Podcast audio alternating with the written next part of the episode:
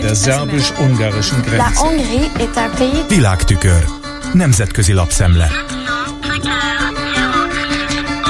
Köszöntöm a hallgatókat! Magyarországon a rekordmértékű áremelkedés súlyosan érinti a legszegényebbeket, írja a Le Monde külön tudósítója, az ország északkeleti részében található Abauikérről keltezett riportjában. A Párizsi lap megjegyzi, hogy a februárban mért 25,8%-os éves infláció messze a legrosszabb adat volt az Európai Unióban.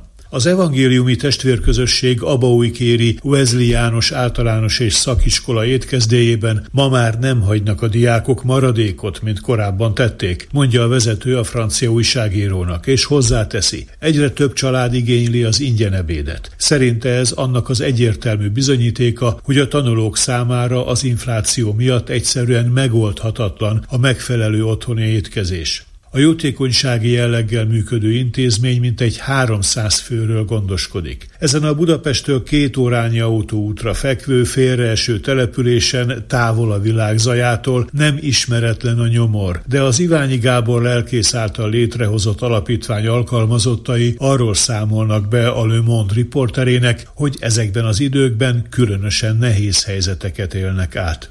Most pedig nézzük a napi közéleti csatározások felszíni megnyilvánulásait. A Bloomberg amerikai üzleti hírügynökség megfogalmazása szerint Orbán Viktor magyar miniszterelnök mélyen belegázolt az amerikai politikába, amikor támogató üzenetet küldött az ügyészi idézésre éppen New Yorkba tartó Donald Trumpnak, aki ma arról kénytelen számot adni, hogy a 2016-os elnökválasztási kampány során hallgatási pénzt fizetett egy korábbi pornósztárnak. Ez az első alkalom, hogy az Egyesült Államokban vád alá helyeztek egy volt elnököt. Az önnel vagyunk tartalmú Twitter üzenettel Orbán kiemelte, hogy a republikánusok felé hajlik, és ezzel fagyos reagálást váltott ki a Biden adminisztráció részéről, írja a Bloomberg, és megállapítja. Orbán üzenete merőben szokatlan beavatkozás egy külföldi kormányfő részéről az amerikai belügyekbe, különösen egy olyan EU és NATO tagország esetében, amelynek a vezetője rendszeresen visszautasítja, külföldi beavatkozásnak minősíti azokat a bírálatokat, amelyeket azért kap, mert igyekszik megszilárdítani a magyar társadalom fontos vonatkozásai fölött gyakorolt hatalmát.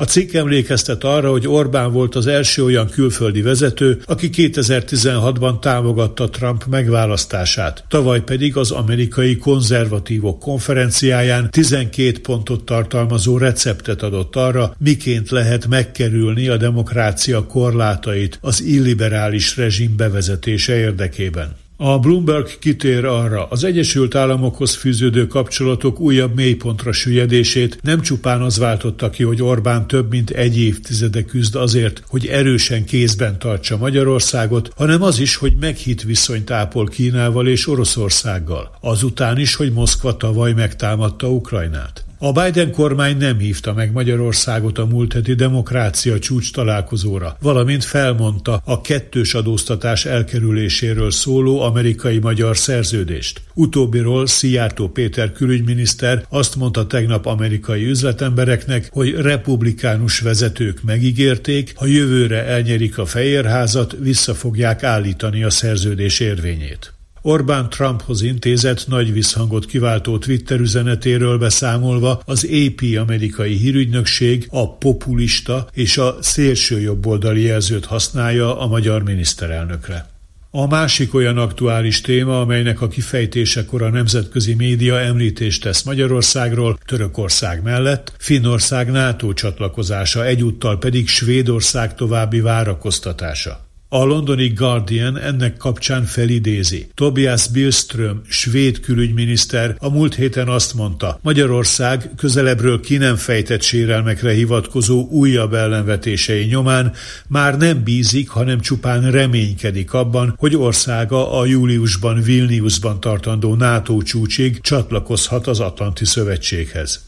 Végül megemlítem, hogy a német sajtó a DPA hírügynökség alapján beszámol arról. A Pozdami Tartományi Bíróság közlése szerint a vádlott súlyos egészségromlása miatt átmenetileg elnapolták a Horst Mahler ellen uszítás és holokauszt tagadás miatt indított újabb büntetőpert. A most 87 éves jogász annak idején részt vett a Vörös Hadsereg frakció megalapításában, de aztán a szélső balról a szélső jobbra váltott. A mostanihoz hasonló bűncselekményekért már több évet ült. Ügyének magyar vonatkozású érdekessége, hogy 2017-ben Magyarországra szökött, ahol politikai menedékjogot kért, de azt nem kapta meg, hanem kiadták Németországnak. Ez volt ma a Nemzetközi Média Szemle Kárpáti Jánostól. Köszönöm a figyelmüket! Hungary's government sees building it Der szerbus-ungarischen Grenze. Nemzetközi lapszemlét hallottak.